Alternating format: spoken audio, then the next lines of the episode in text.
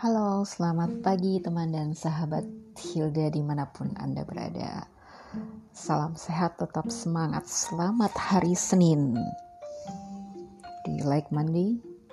Yes, of course. I do like Monday because Monday adalah hari pembuka selama satu pekan ke depan.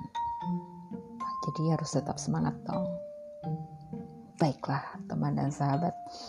Jika beberapa hari lalu saya memberikan informasi atau berbagi tentang 5 apartemen mewah termahal di Jakarta, kali ini saya akan berbagi informasi mengenai siapa sih dan bagaimana karakter para pembeli apartemen mewah ini. Apakah mereka sama dengan pembeli properti menengah ke bawah atau ternyata sama saja. Mari kita ikuti informasi berikut ini. Pembeli apartemen mewah di Jakarta bisa dideskripsikan sebagai mereka yang punya kekayaan lebih dari 50 juta dolar Amerika. Mereka adalah end user membeli apartemen untuk digunakan.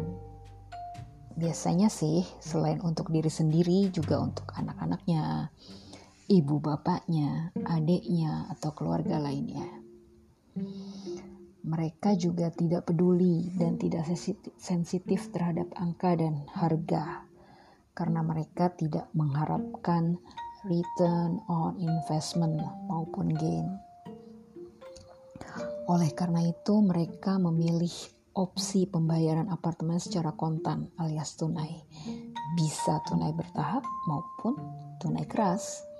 Mereka juga tidak mau dipusingkan dengan hal-hal rumit, surat menyurat administrasi dan birokrasi perbankan hanya demi mengurus kredit pemilikan apartemen atau KPA.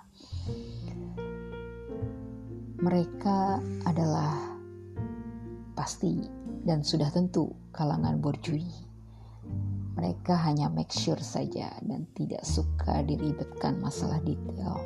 Mereka hanya melihat layout atau denah sesaat dan get the feeling of the ambience. Ketika sudah cocok, ibarat jodoh, langsung mereka beli. Nah, tentu saja karakter dan profil pembeli apartemen apartemen mewah ini sangat berbeda jauh dengan mereka yang membeli apartemen menengah ke atas. Yang ini adalah orang kaya baru atau orang kaya tanggung yang demikian hirau hal-hal ribet, terlalu detail karena mengharapkan sejumlah keuntungan dan investasi kembali dengan cepat. Balik lagi ke kalangan tajir melintir Sebelum orang-orang ini memutuskan membeli apartemen mewah incarannya, biasanya mencari tahu dulu siapa tetangga kiri dan kanannya.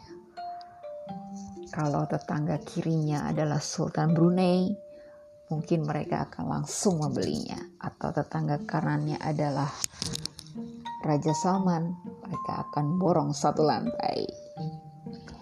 Nah, demi mengakomodasi keinginan calon pembeli apartemen mewah ini biasanya para pengembang melakukan seleksi alias prakualifikasi. Para pengembang ini sadar mereka nggak mungkin mengkampanyekan iklan apartemen mewahnya di brosur-brosur murahan atau jasa broker ataupun kampanye iklan provokatif. Mereka justru memanfaatkan para taipan atau dalam istilah Jawanya adalah getok tular. Ketika para taipan ini merekomendasikan apartemen yang ditawarkan pengembang, maka taipan-taipan lainnya biasanya akan mengikuti. Tapi sebelumnya tentu saja para pengembang ini akan menyeleksi siapa calon konsumen properti mewahnya Ini karena perilaku belanja properti kalangan atas memang sangat selektif seperti yang saya bilang sebelumnya.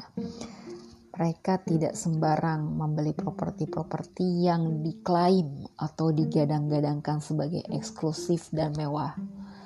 Mereka tahu dong, bahkan amat sangat tahu mana barang bagus, mana yang tidak, mana emas, mana loyang.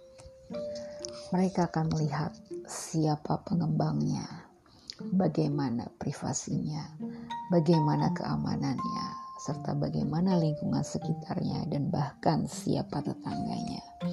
Kemudian, mereka pun akan melakukan komparasi dengan tempat tinggal atau domisili saat ini.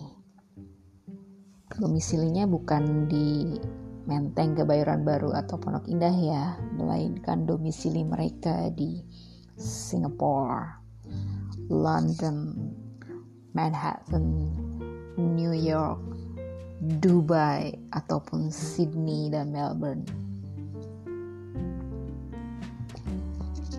Jadi sudah tahu dong perbedaan diametral antara profil pembeli apartemen mewah yang berasal dari kasta ekonomi teratas dengan mereka yang baru sampai taraf social climber.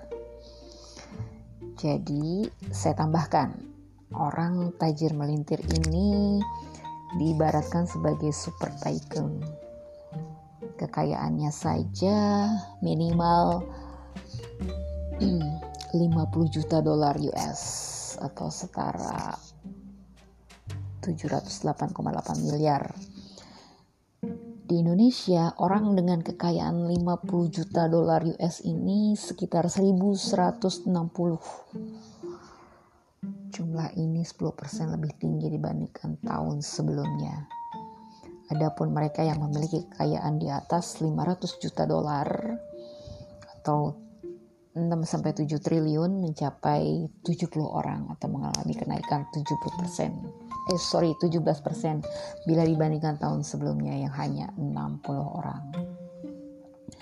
Mereka-mereka inilah yang masuk dalam kategori ultra high net worth individual yang mampu mengakses apartemen mewah dengan harga 110 juta rupiah per square meter atau mereka juga mampu membeli lebih dari dua unit dari Regent Residence yang dibanderol 43,4 miliar per unit. Tentu lihat angka-angka ini ceruk pasarnya sangat niche, sangat terbatas. Namun mampu mendatangkan nilai revenue bagi pengembang Contohnya nih, Ciputra Group saja yang merupakan imperium bisnis properti terbesar di Indonesia tidak ngoyo memompa penjualan Raffles Residence agar cepat laku. Bahkan mereka menghentikan penjualan selama tiga tahun terakhir. Kata Direktur Grup Ciputra, Arta Dinanta Jangkar, penghentian penjualan ini dilakukan dengan sengaja. Mereka menunggu momentum yang tepat untuk melepasnya kembali lagi ke pasar. Hingga saat ini masih tersisa 20% dari total 88 unit Raffles Residence yang berlokasi di Ciputra Award 1 Jakarta. Empat unit di antaranya merupakan Gria Tawang atau penthouse. Mau tahu harga per unit Raffles Residence ini 33 miliar. Luar biasa. Kembali lagi kepada pembeli properti mewah. Salah satu orang kaya Jakarta yang masuk kategori ultra high net worth individual adalah Hari Gunawan. Dia mengaku membeli penthouse di Four Seasons Kuningan, Jakarta dengan tunai keras. Wow, dia bilang dia tertarik membeli karena pertama, privasi. Kedua, tingkat keamanannya yang maksimum alias maximum security. Ketiga, brand Four Seasons. Siapa yang tak kenal brand Four Seasons? Nah, Four Seasons Residence Jakarta Kuningan waktu itu adalah apartemen termewah di Indonesia. Tanpa pikir panjang dia membelinya dengan cash. Wow. Siapa Hari? Anda sudah familiar dengan Hari Gunawan? Bagi teman dan sahabat Hilda yang belum familiar siapa itu Hari Gunawan, beliau adalah pemilik saham mayoritas salah satu pusat belanja mewah Jakarta, yakni Senayan City. Kemudian pemilik saham mall menengah Emporium Mall Pluit di Jakarta Utara dan pusat belanja menengah bawah Tamini Square di Jakarta Timur. Dia juga pemilik menara kembar apartemen The Peak Setiabudi Kuningan Jakarta Selatan. Selain itu, sejumlah properti mentereng lainnya juga dia miliki. Sebut saja Six Sense Resort Uluwatu Bali, perkantoran The City Center or atau TCC Batavia di Jalan Mas Mansur, Jakarta Pusat, dan The City Tower Tamrin juga di Jakarta Pusat. Hari juga bermitra bisnis dengan Hutomo Mandala Putra atau Tommy Soeharto untuk proyek Mangkuluhur City di bilangan Gatot Subroto, Jakarta Pusat. Nah, demikianlah teman dan sahabat Hilda sharing informasi mengenai profil dan karakter pembeli apartemen mewah di Jakarta. Selamat pagi, selamat menjalankan aktivitas. Salam sehat, tetap semangat.